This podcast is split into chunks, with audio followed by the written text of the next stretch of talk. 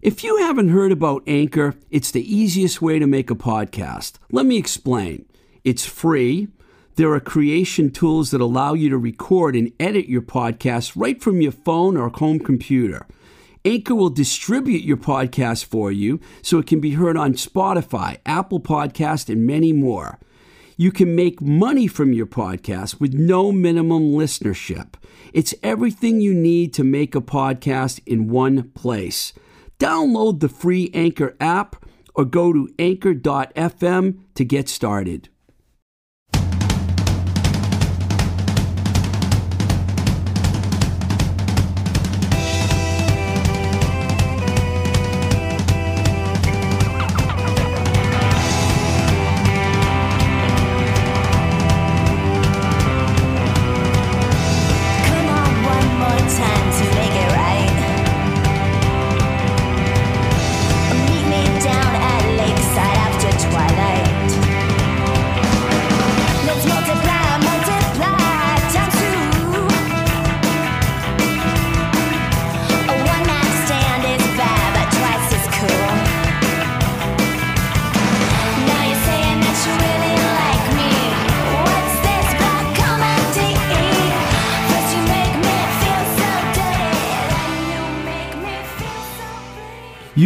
You love burritos. You know you love tacos. Come on, you know you do. Well, Baby Loves Tacos and its two locations in Pittsburgh, PA is where you need to be to get the good stuff. The original hot spot right smack in the middle of Little Italy on Liberty Avenue in Bloomfield and their newer second location in Millvale right over the 40th Street Bridge.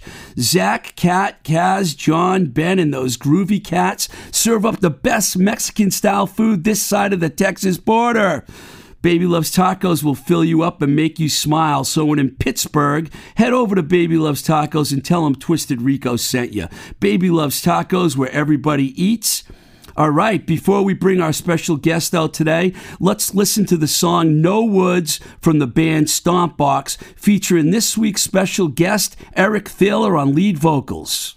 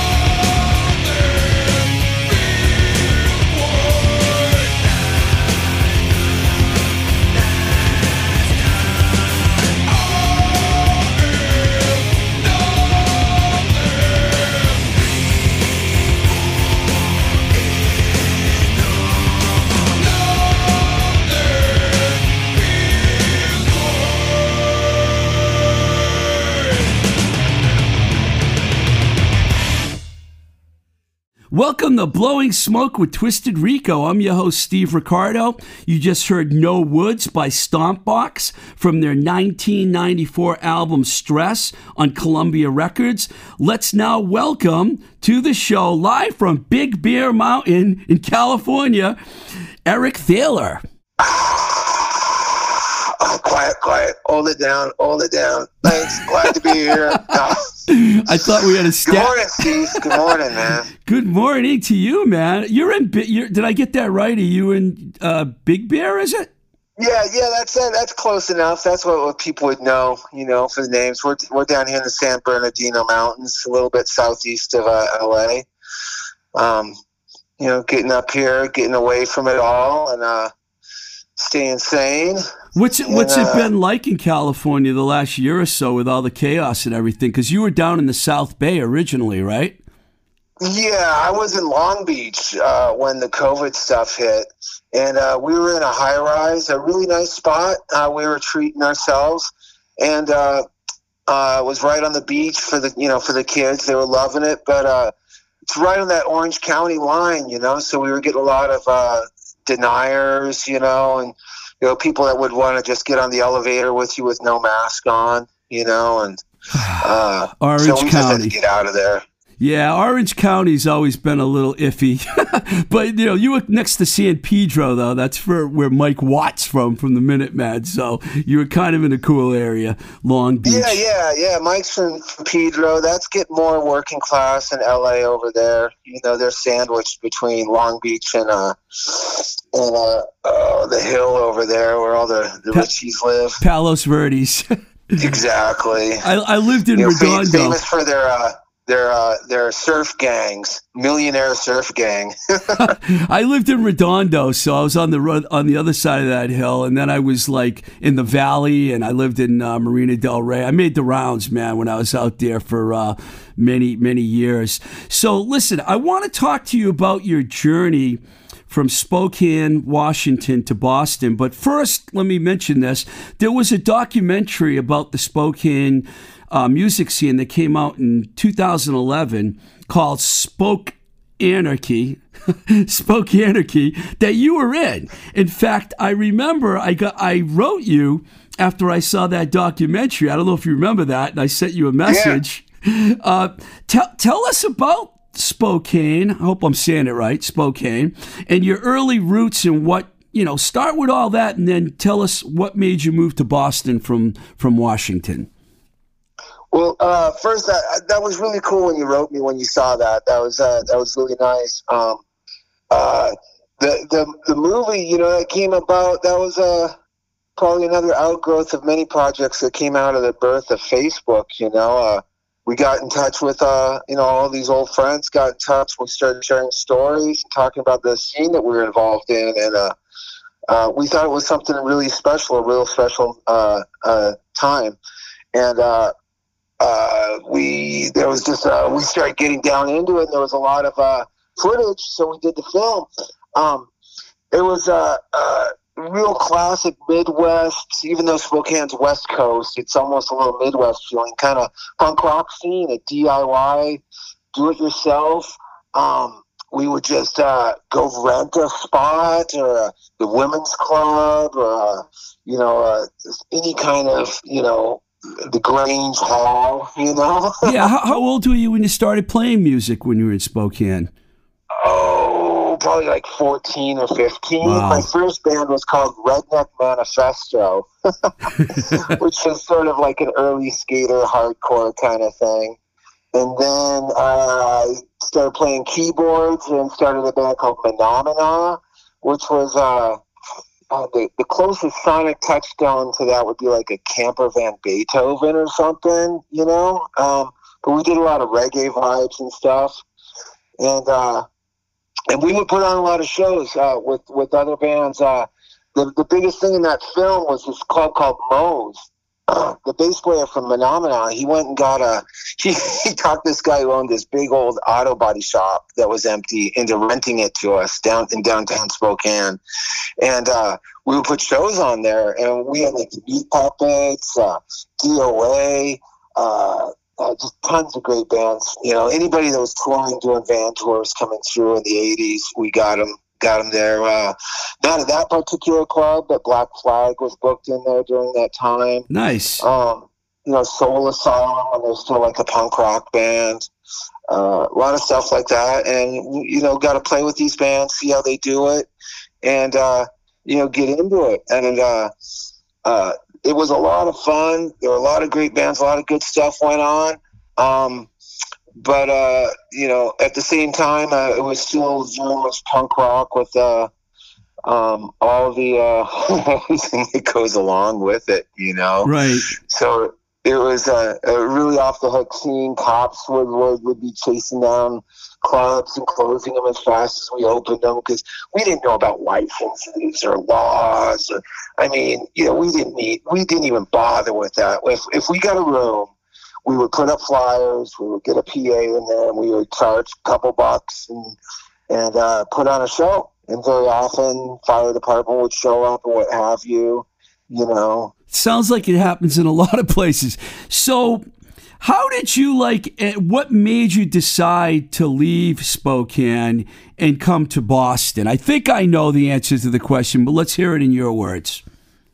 Well, uh, we had this little scene going on that was a lot of fun, and it, and it, was really insular. Um, there's something that was touched on in the film there, to some degree, is uh, and I don't know if this goes with people that come up in, in small towns overall, but uh, we just felt that uh, you know if you stayed in Spokane, nothing was ever going to happen, and um, and to a large degree, we all felt too. Many of us that even if we left Spokane, we were all kind of cursed in some way. I, I don't know. You know, it was just like, you know, n- nobody ever made it out of Spokane.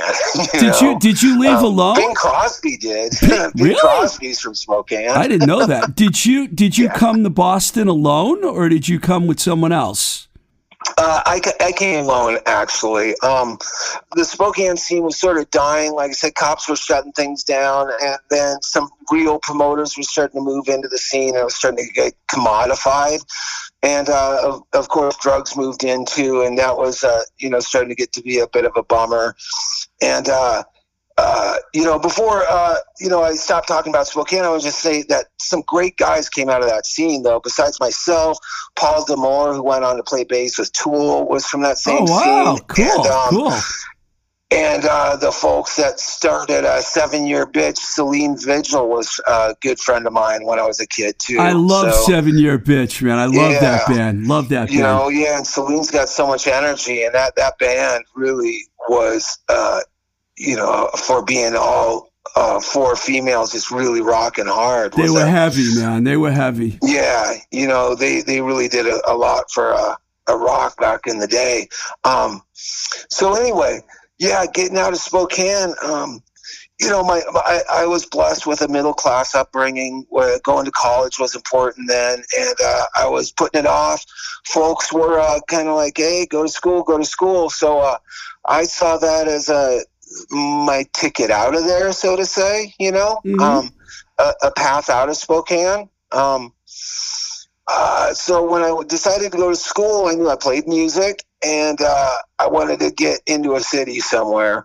Uh, all my friends, I'm a bit of a contrarian, and all my friends were moving to Seattle or Los Angeles. That was the obvious move from a small West Coast town. And uh, they, uh, um, so I'm, of course, let's go opposite. Uh, I kind of wanted to go to New York, but uh, I couldn't really find a, school there that I could talk my get accepted to, and talk my parents into you know sending me to, and uh, kind of landed on Berklee. I'd never really known of it before then, and uh, um, wound up applying, getting accepted, and uh, you know folks sent me there, and uh, I look, you they had a pretty strong. Uh, mm, I want to say jazz department, but also what they what you learn there you can apply to rock as well Right. you know and just any modern american music form and uh um, looking back as an adult now, I'm really happy that I uh, that I got that extra education. Um, a lot of folks go to Berklee, um, drop out, whatever.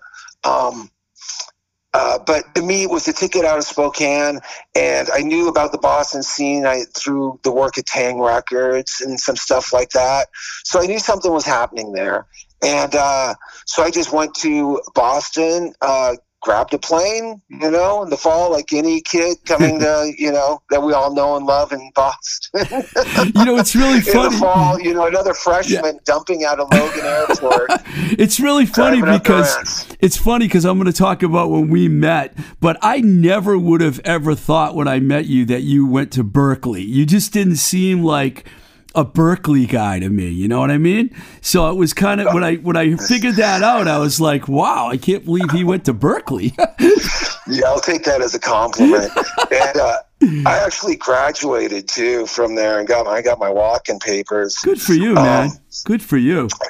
Yeah, so finished it. Thank you very much. So may, maybe you can put this part of the story together for me here and explain how this happened. I know at one point you were playing both in Scratch with the Stilfen brothers and you had Stompbox, and you had to you had to make a decision. First of all, how did you end up in those two bands because they're both great bands? And then having to make that decision must have been really difficult for you.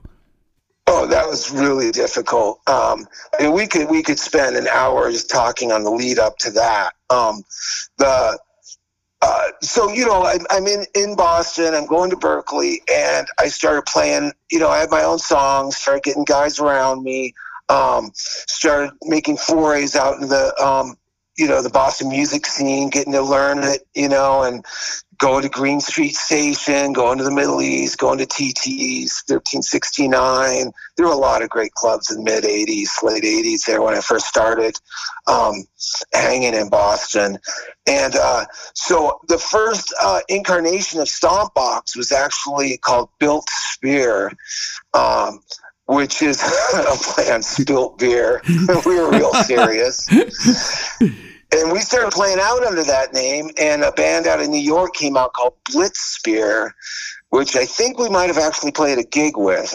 Um, but they were they were sort of that white zombie East Village, you know, uh, scum hard rock kind of vibe. Right? And uh, so we changed the name um, from Built Spear to Stompbox, And uh, so uh, that went through a lot of personnel changes. Uh, did the whole just work up in Boston, you know, playing Monday night at Bunratty's, you know, and Wednesday night opening slot or or uh, Friday night cleanup slot. And, uh, just really slogged in the trenches. And uh, uh, eventually, what really got that band uh, going and a following was when I started living down on Thayer Street in the lofts. And uh, really, I, I just started putting the same mentality we used in Spokane into Stomp Box. Um, and I ran into a lot of kindred spirits in, in the loft scene there when I was living on Thayer. Uh, we just had huge space, a huge commercial space. We get a PA and have bands or DJs and have uh, rent parties or or what have you. Put the bar in the freight elevator, so if the cops show up, you just have the bar go up two floors, you know. Um, and uh, that really, really helped Stompbox find its audience. We uh, started playing a lot of these loft parties, and that really helped us uh, uh, cross over into the clubs and and and put some people into the rat and all that, and get the notice of uh, you know the owners of these little clubs and the bookers and and uh, started to do really well. Um, at about the same time when I was living on Thayer, I was hanging out with uh, Glenn and those guys. They had a band at the time, I believe, called uh, Uncle Betty that Yeah, just had yeah. just broken up, and uh, he was working with his brother again. And uh, Glenn asked me if I would sing with him, and uh, I was like, "Hell yeah!" You know, I, I knew you know what they had done, and uh, I, I liked their playing. And uh, at the time, Stompbox, we were like we were really into bands like Jesus Lizard, uh, um, Helmet, of course, Yeah. um, just more out there kind of stuff. And uh, um, uh, so Stompbox was uh, um, I hate to use the word like prog, but it was more like a prog band, I guess. And uh, where the Scratch guys were really doing some real traditional hard rock. And uh, I never considered myself actually a singer. Uh, I'd always considered myself a keyboard player because that's what I did in Phenomena, the Spokane scene. I was I was really playing playing keyboards, and that's what I was doing at Berklee. So, uh, but I was singing with Stompbox, and I really thought uh, honored that he asked me to sing for him, and two, I wanted to sing, see if I could sing over like traditional rock. You know, if if I had a voice that could do that, and uh, yeah, started singing with them, and it just moved so quick. Those those guys really know how to to work and work with a band. They have a great work ethic, and uh, they just you know they know the steps. It's- So as soon as I started playing with them, you know, it was cut a demo, get a manager, play out, and it moved very fast. Yeah, it's kind of, well, you know, those guys, the Stilfen brothers, had already been in Gangrene and Mallet had two bands that both had deals, and they were already around and established. The Stompbox guys, how did you get the final, you know, the, the, the, the, you know the lineup with the the main lineup with uh, Jeff Turlick and um, Zeph and uh, you know the, what's um, the bass player? I'm sorry, his name is escaping my mind. Uh, Pat Pat Gleesman.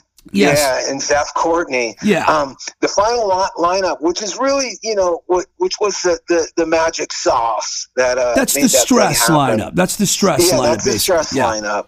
Um, and uh, there there is a um, you know what the band sounded like as Built Spear when it moved into Stompbox is uh, a single that's really hard to find with the A site called "Pick It Up," which was sort of the early Stompbox. Okay.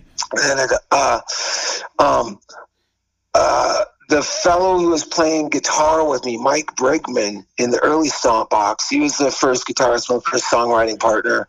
Um, he uh, uh, he just became really unreliable. He became really unreliable to work with, and uh, I don't think he really wanted to be involved with a band. Um, he was uh, not the first person that I knew in my life, but uh, you know, one of the closer people in my life that uh, you know, uh, uh, drugs really took a toll on, and uh, he uh, he eventually uh, passed away Oh, I'm Um, sorry, man. Uh, before just right about the time Stompbox got signed, uh, he overdosed. Um, and uh, so anyway, uh, Mike left the band and we needed to replace him. At that point, I had Pat playing with me, and another drummer named Dirk DeMar was playing. And he was more of a real hard rock chops guy. Both guys I met through Berklee.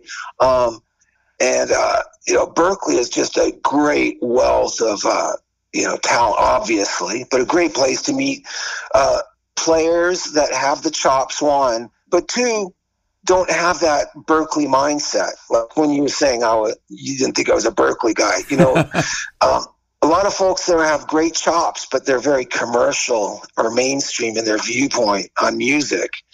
And uh, um, it, it's, it's a great find when you can find somebody who's got the chops, but also has a foot in the underground, you know, or in hard rock. Uh, and that's what happened when Pat was working at the bookstore. Jeff came into the store wearing, I think, a Bad Brains T-shirt.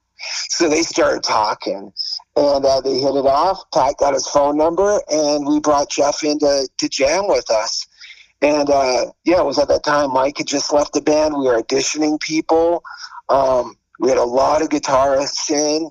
Um, I think we even had one of the guys from the FUs in to, to audition. Um, So getting back back in the day. getting back to the original question, which we we led up to, how did you decide? How did you decide which band to be in? Because they were both such good bands. Yeah, yeah, yeah. Uh, we're kind of ju- jumping around the timeline a little bit, but uh, yeah. So we got Jeff in the band, right? And Jeff just really Jeff and Pat gelled, and then we eventually wound up getting Zeph in the band. It didn't work out with Dirk, and we wound up having Zeph in the band. And Zeph had just joined the band. He was only in it for maybe a couple of months. He joined at about that time when I started living down on Thayer Street and started doing the whole loft party thing, which is a lot what we became known for, and uh, uh, playing those loft parties. Um, so that right about that time, and so Jeff's a little bit new still. Zeph's kind of new. Pat's been around for a while, and I started playing with Scratch, and uh, we had just really by working the trenches, like all like a lot of bands do. Finally, we're starting to touch on getting some decent gigs, and then I started playing with the the Scratch guys, and that band, like out of the gates, was getting great gigs. You know, we were opening on Friday night for whatever the biggest local band was.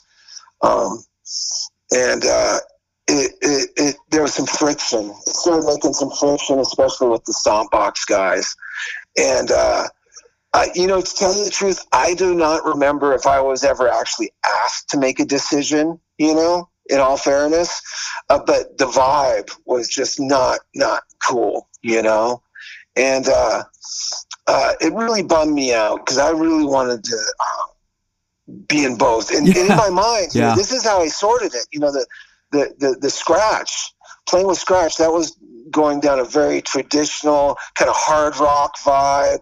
You know, real power, um, maybe a little more commercial. You know, and uh, and the, the stomp box stuff was. Uh, you know, we were we were trying to go down a, a, something really different. We didn't know what it was yet. You know, I saw that as you know more abstract at the time. In, in fact, the songs we were writing and, and weren't released um, were much more abstract, um, but they were still rock. They were still rock songs. So in my mind, they, there was room for both bands and me to sing for both bands without you know really stepping on each other. But uh, uh, like I said, the vibe started to get really um, not so great with the Stomp Box guys. So uh, um, I had to make a decision. And a lot of it came down to I started Stomp Box. Built Spear was my baby. I had worked it up from Built Spear, you know, pulled in all the different players over the over the years as we were building up that band. And uh, also because the band was more experimental, I guess, and trying to do something different. Um, I saw the the the, the um, aesthetic of Stompbox being more future oriented. Right. So that's where I made the decision. I love the hell out of Scratch though, and the, the songs I recorded with Scratch are just some of the best stuff I still love listening to that I did. You know, Yeah, you- you're you're you are you know incredible in both bands. I mean, eh, the couple of things I wanted to mention is you can go on YouTube now and find some of those loft shows, and they looked amazing. Everyone I talked to in Boston that was around here at that time because I was and I was in LA and I say well I never saw Stompbox they're like you never saw Stompbox they were like the best live band around and then I see these videos and I'm like I see a bunch of people I know hanging out. Like I was just talking. Susan Cappuccioni gets a mention for the second week in a row. I was just talking to her the other day, and she's like, "I'm in their video that was on MTV because I'm scanning in the background, and it was at the I don't know if she said it was Congress Street or wherever. It was one of those loft shows. But you guys." you guys organically build this enormous buzz and you were like a powerhouse band. When I watch those videos and listen to recordings, I'm like, I really missed out on this band. So that buzz somehow. I guess it was Mary Gormley from Columbia Records that signed you guys. How did she find out about the band? I mean, how did the word get out to the ma- and was there more than one major? um, well, we had uh, um,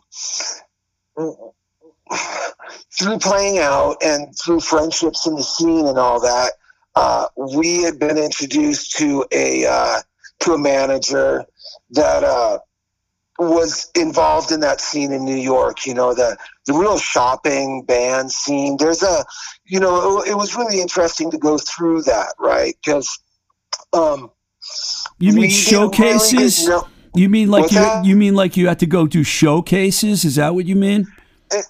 to some degree it's uh more like working the fax machines back in the day, working the buzz. There's all Right. this inside stuff. There's all these tip sheets, and I don't know how the business works anymore. But back in the day, there were all these little industry tip sheets. You know, like Hits magazine. Yeah, I remember. and, and there's little columns and there's even people that would like write little photocopied tip sheets and they'd mail them out into the A&R community in New York or LA and uh, you know I always thought you know you work up your band and some A&R person's flying around the country going to see bands it, it wasn't working that way back then and people with like managers in consort with lawyers and such people in the scene they would manipulate and use these tip sheets to get people interested and get a buzz going. Right? I mean, of course, you got to have a good band to back this up, but then they would get you out to see your New York club shows,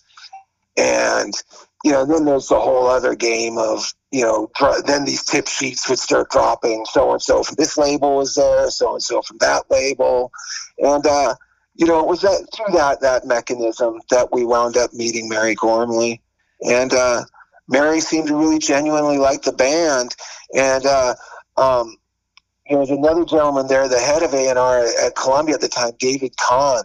Really, uh, That's a big really name. Yeah, too. he's big name. So uh, yeah, so if if David hadn't been on board, if David Kahne hadn't been board, on board, we wouldn't have been signed.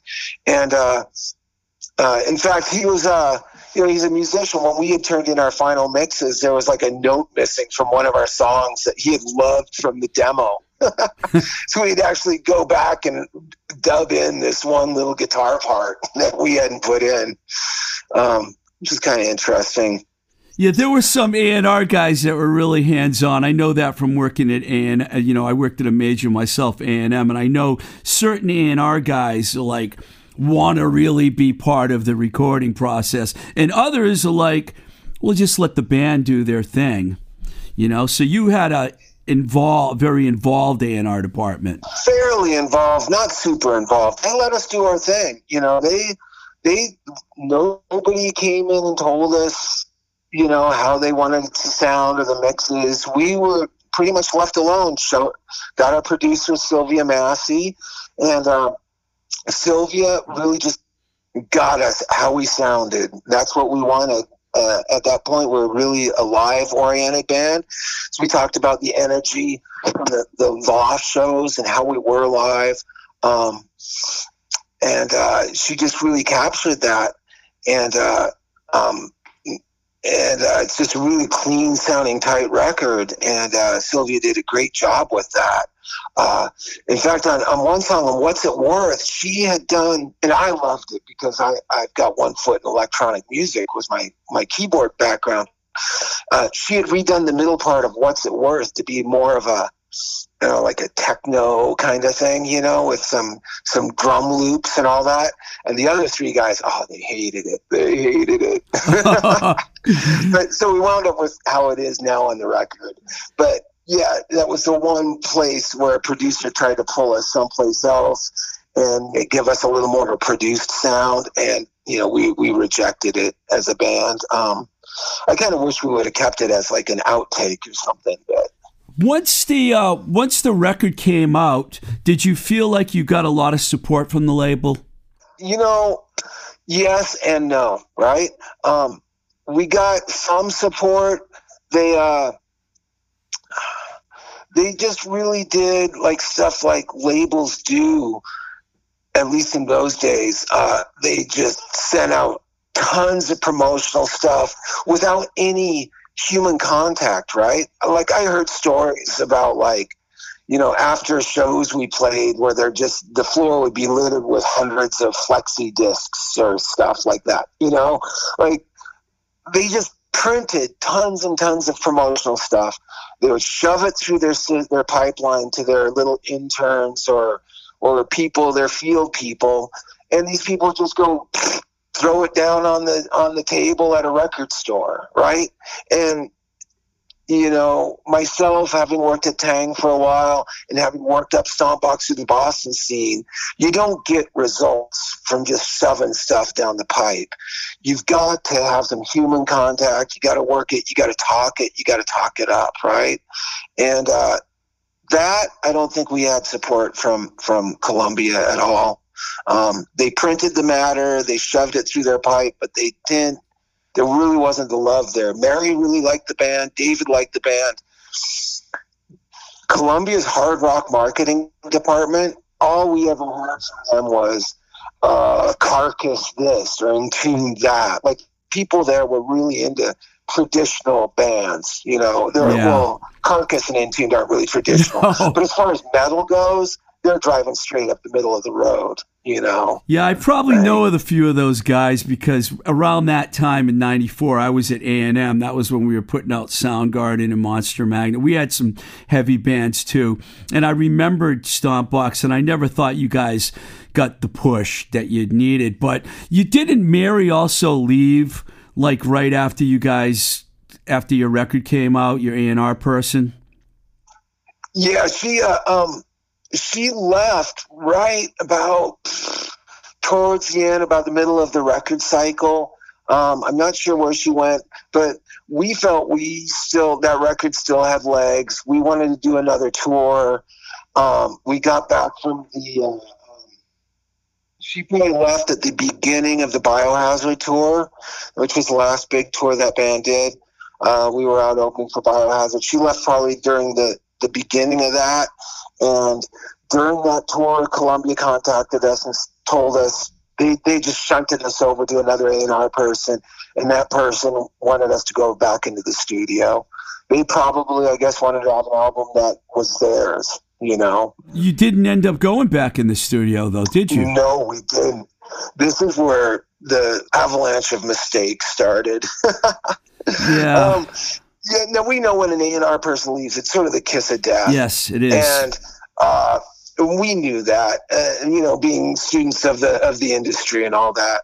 So Mary sort of had a unspoken, not a promise, but she said she would see if she could sign us wherever she went, or she would, you know, try to help us out. It wasn't a promise, you know, it wasn't, but we felt that it, we should leave Columbia and go to another label that really loved us, especially after our experience that I just went over with the marketing department. You know, they, they were looking for, you know, long haired, tattooed rock stars. You know, guys who thought life was a joke, you know, and, uh, um, and, and, and it is, and we were having a lot of fun with it. But that didn't happen. It didn't happen though, didn't you? You guys disbanded soon after that. Yeah, we didn't do the album, and, and and what we did actually is we had our lawyer and our manager contact Columbia Sony and said we wanted out of the deal, we wanted to exit the deal. So uh, you know, there's a lot of lot of the rumor mill says we were dropped, but we weren't dropped. In fact, Sony wanted to put us in into the studio, and we uh, we left the label of our own. We asked because we thought we could find a better home someplace else. So uh, right about the end of the uh, Biohazard tour, we signed the paper, left Columbia. Um, in hindsight, um, I think we should have just gone in and done the record. You know, we would have got another album out. We would have, you know, maybe we would have drummed up more love with Columbia if we would have done another album. Uh, but we wound up leaving Columbia, and then shortly after leaving Columbia, that was about around, uh, I guess, New Year's, Christmas, New Year's of uh, 94, I think. So early 95, or around that time, around Christmas, then uh, uh, we all met up at uh, TC's Pub or T's Pub. I think it was called TC's. Don't a little, little hole in the wall bar in uh, the Fenway or off of Boylston. And uh, the guys, uh, you know, the guys asked me to leave the band. They asked you to leave the band.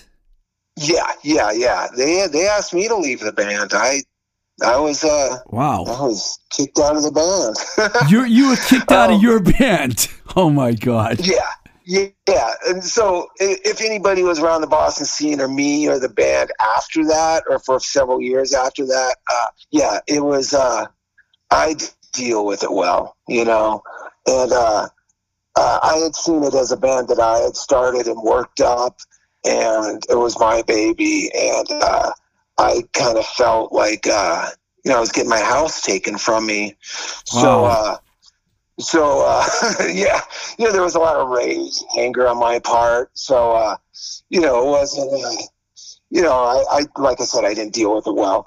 Um, so the reasoning though, let's uh, the reasoning though is we just left the deal with Sony. So the guys were like, "Hey, we're not in a contract together. We're not bound together in any way. Now's the time to split ways. You know, if we're going to before we go on to something else."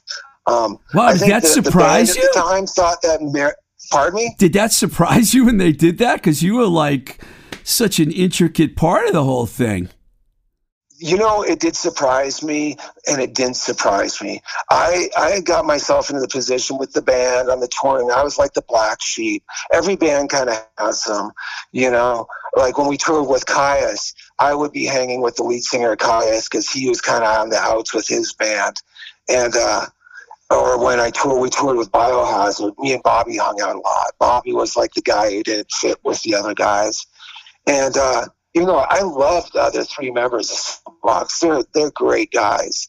And uh, you know, that's a big part of uh, you know what what the surprise and uh, why I was hurt by it because I really considered them you know my friends and family. You know, um, so uh, so in some ways it didn't surprise me because you know I put myself on the outs a little bit, and uh, you know I, I am I am a bit of an abrasive person and uh, I think they took exception with some of my approach to uh, uh, uh, my demeanor live, you know.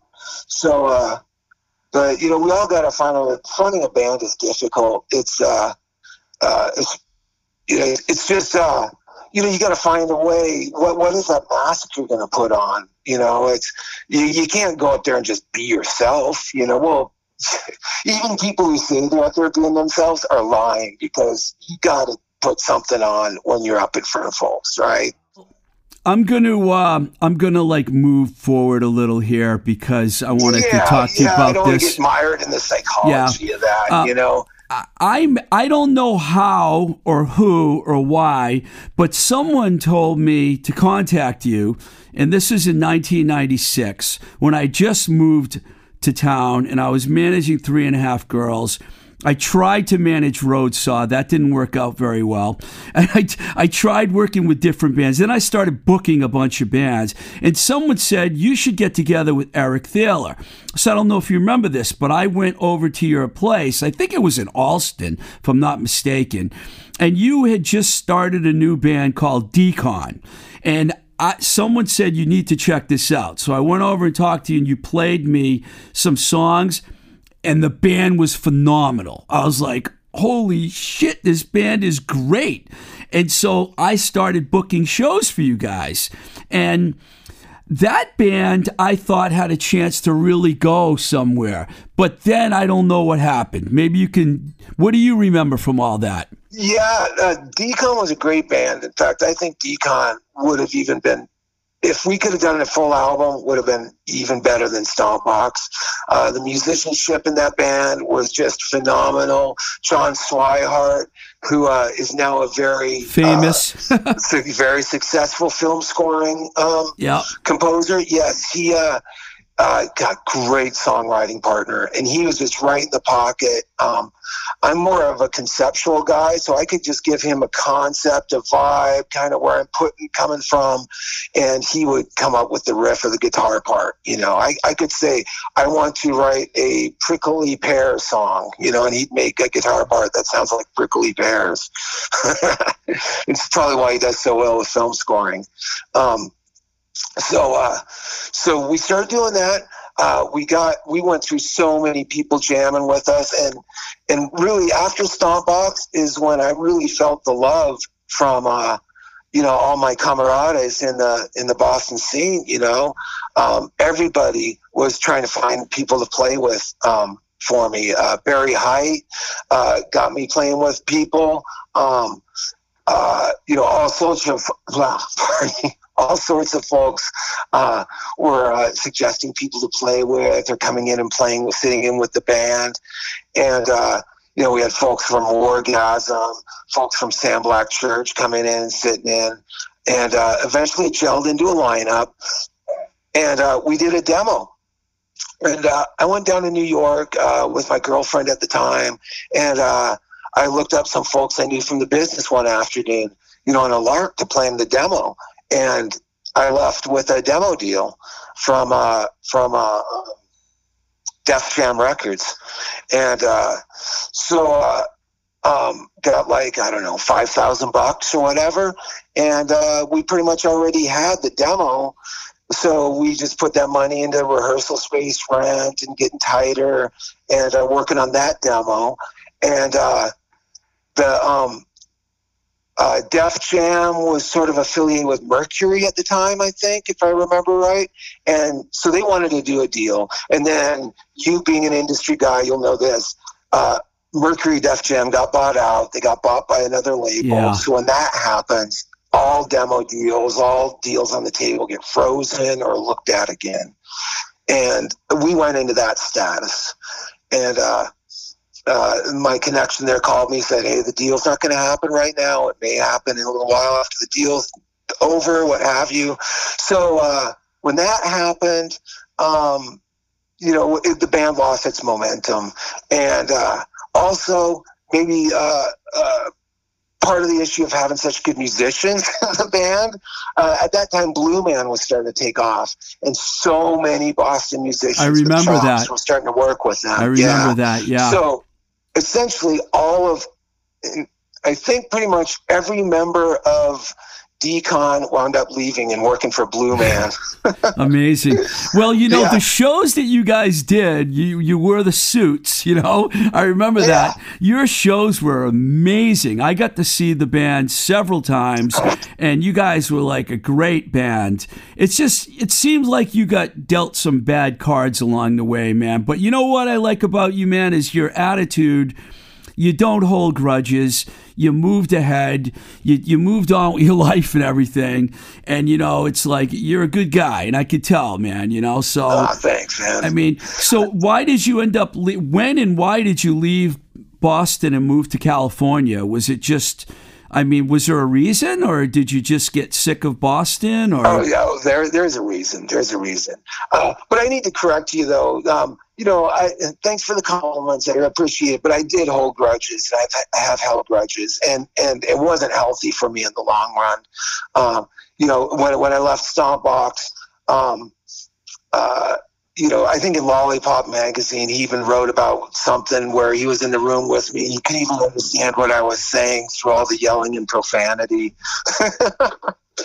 you know, it's rock and um, roll, though, man. You know, shit yeah. happens. You know. Yeah, yeah, yeah, it is, and and and you know, it's it's just it took me a while to get over that anger, but I, I am past it now, you know, and uh, and I have got a good relationship with the the former members of Stompbox. You know, That's we're good. not we're not best buddies, but we talk, and and and that's just great, you know. Um, they're they're great people. Uh, so leaving leaving Boston, Before Um, you before you tell that story, let me tell you. Yeah. Everyone I know that was around that time, all the bands and everyone, they all speak highly of you, man. Everyone thought that your band was like the best band in town at the time and that you were a great front person and, and, and whoever doesn't believe that, I'm telling you, if they go and watch those videos on YouTube, their minds will be blown. I mean, you guys were as good or probably even better than Helmet. You know, and everyone compares you to Helmet. I know that because it was a similar sound going on. But I thought phenomenal. And sa- same thing with Decon. I mean, you guys would just blow everyone off the stage, man. So you should definitely be proud. You should be You know, proud. I, I, I kind of think sometimes, like, I, I think, you know, I think I was a lieutenant with Genghis Khan or something in a past life because, uh, you know, my karma is shit, you know. And, but I have a lot of fun in life. But, uh, yeah, the, you know, the, the, the um, before we go on to leave, just one story here. Here's karma, bro. Right after I left Stompbox, the bass player, Geezer Butler, the bass player from Black Yeah, Sabbath, wanted Geezer. me to sing for a side project band. Wow. Right? Yeah, this is this would have been the golden ticket to having a career in the business, right? And it was after Stompbox. He wanted me to sing. No audition needed. There would have been like a plane ticket for me at Logan. Um, at the point, I, I pretty much had gone off the map after Stompbox. I, you know, did, I was doing my leaving Las Vegas, you know, and uh, they couldn't find me. And uh, unfortunately, the, um, the the gig went to the singer from uh, Fear Factory, because the same manager who was trying to find me. Um, when they couldn't find me within a couple of weeks, they put that guy up for the gig. So, uh, Yeah, well, You know. that's you know, like once again, you know, this kind of that's the kind of stuff that happens in this business, you know. Oh, for sure. Uh, but that's just, you know, why I, I think my karma's shit. um, so leaving, uh, leaving Las Vegas, or leaving Boston, it, it was very leaving Las Vegas.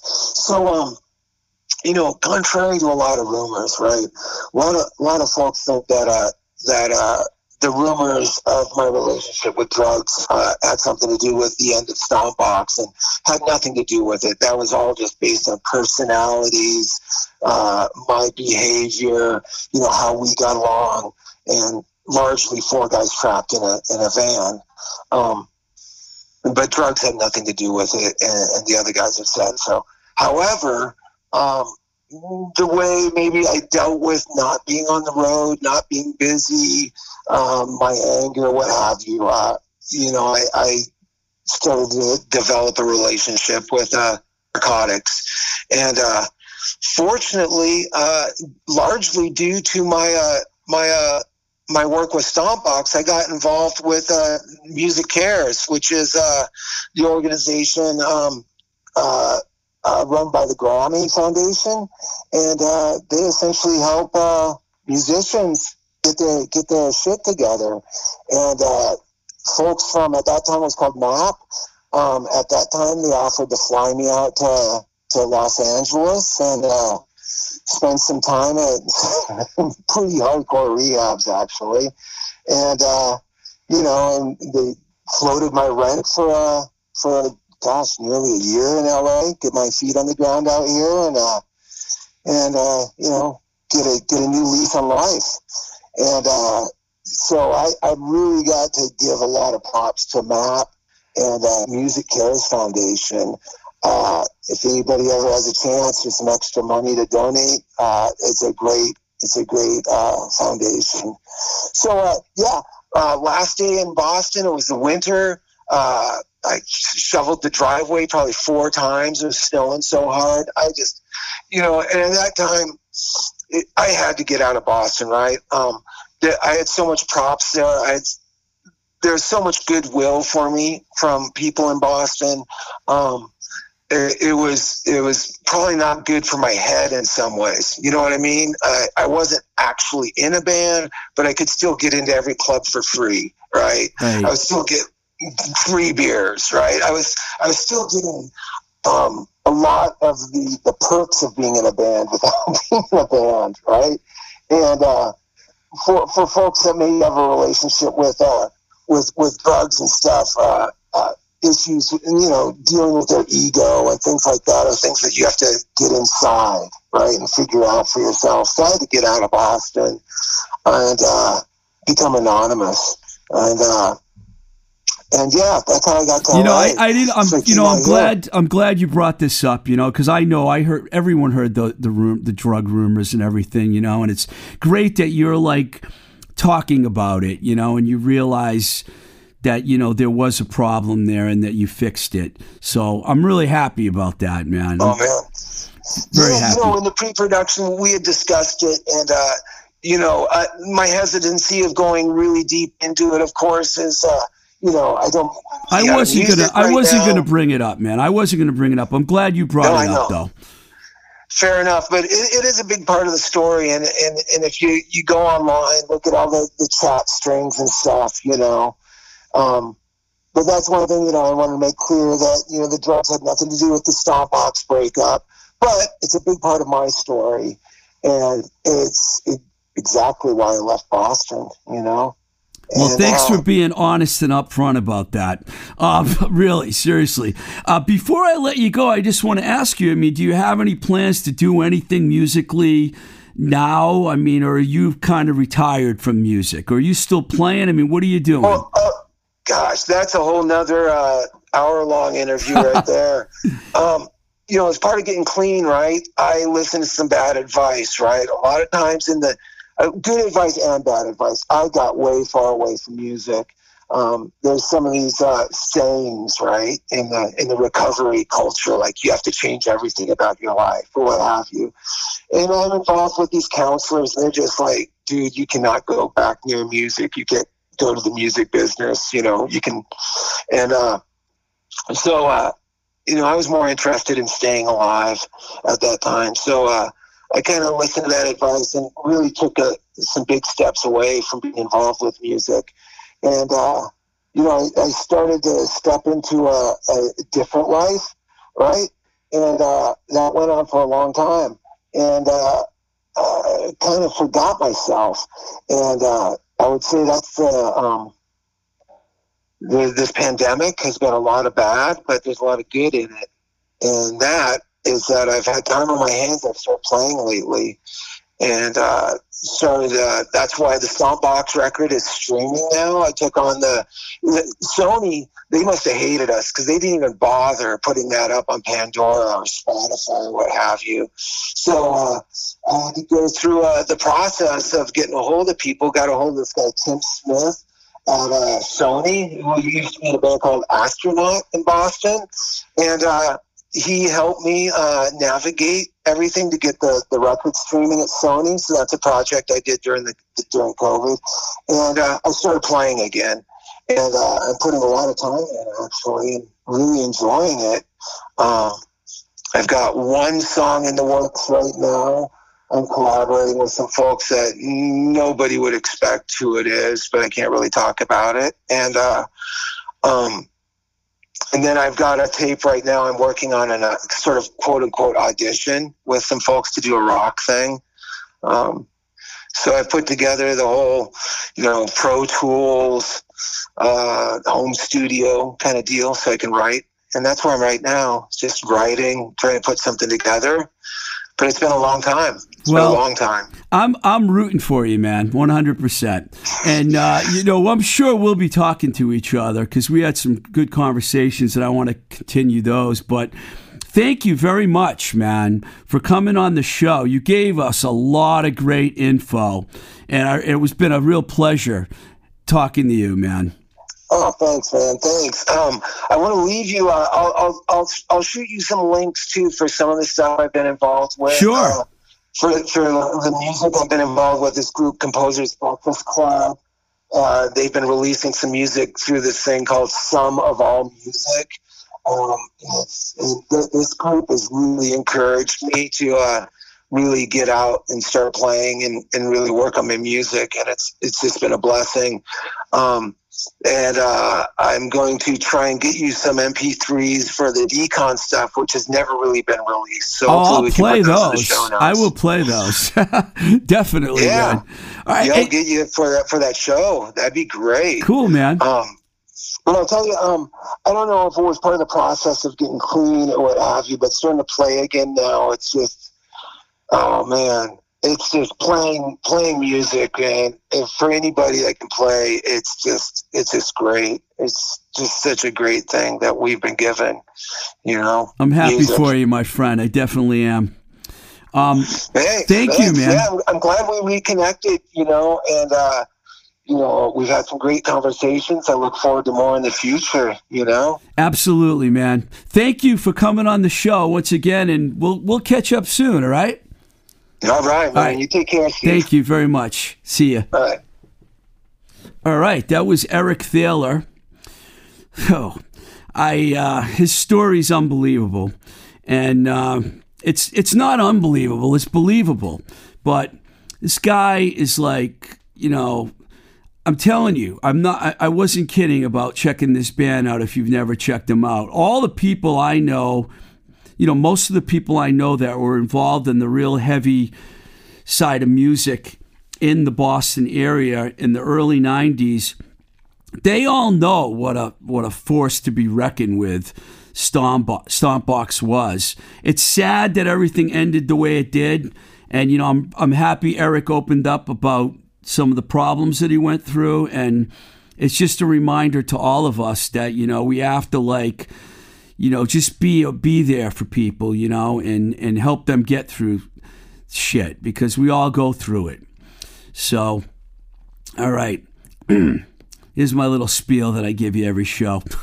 we need to support the mom and pops and the indie stores out there. You heard Eric mention 1369 Coffee Shop, which is always on my list. And uh, lately I've been going to Diesel Cafe for my iced tea, but it's still a good one. They're, they're in, uh, you know, two locations in Cambridge, one in Inman Square and one over on Central Square. And, you know, JLS Design in Leicester, Mass. If you ever need really good merch, they're there. Moonbeam Cafe in Oakmont, PA. I was just talking to my good friend Nina, who owns that place this morning. And uh, she's going to do a spot for us for the show. I'm looking forward to that. Um, and there's a lot of other great places, you know, like the Record Archive in Rochester and, and you know, Book Lovers Gourmet in Webster, Mass. And just support these people. They need us right now. You know, it's rough times still. We're getting things seem to be getting better. I think. Who knows? But um, just going to keep moving forward here. Uh, if you want to support this show, you can always go on our Patreon account page, patreon.com forward slash twisted rico.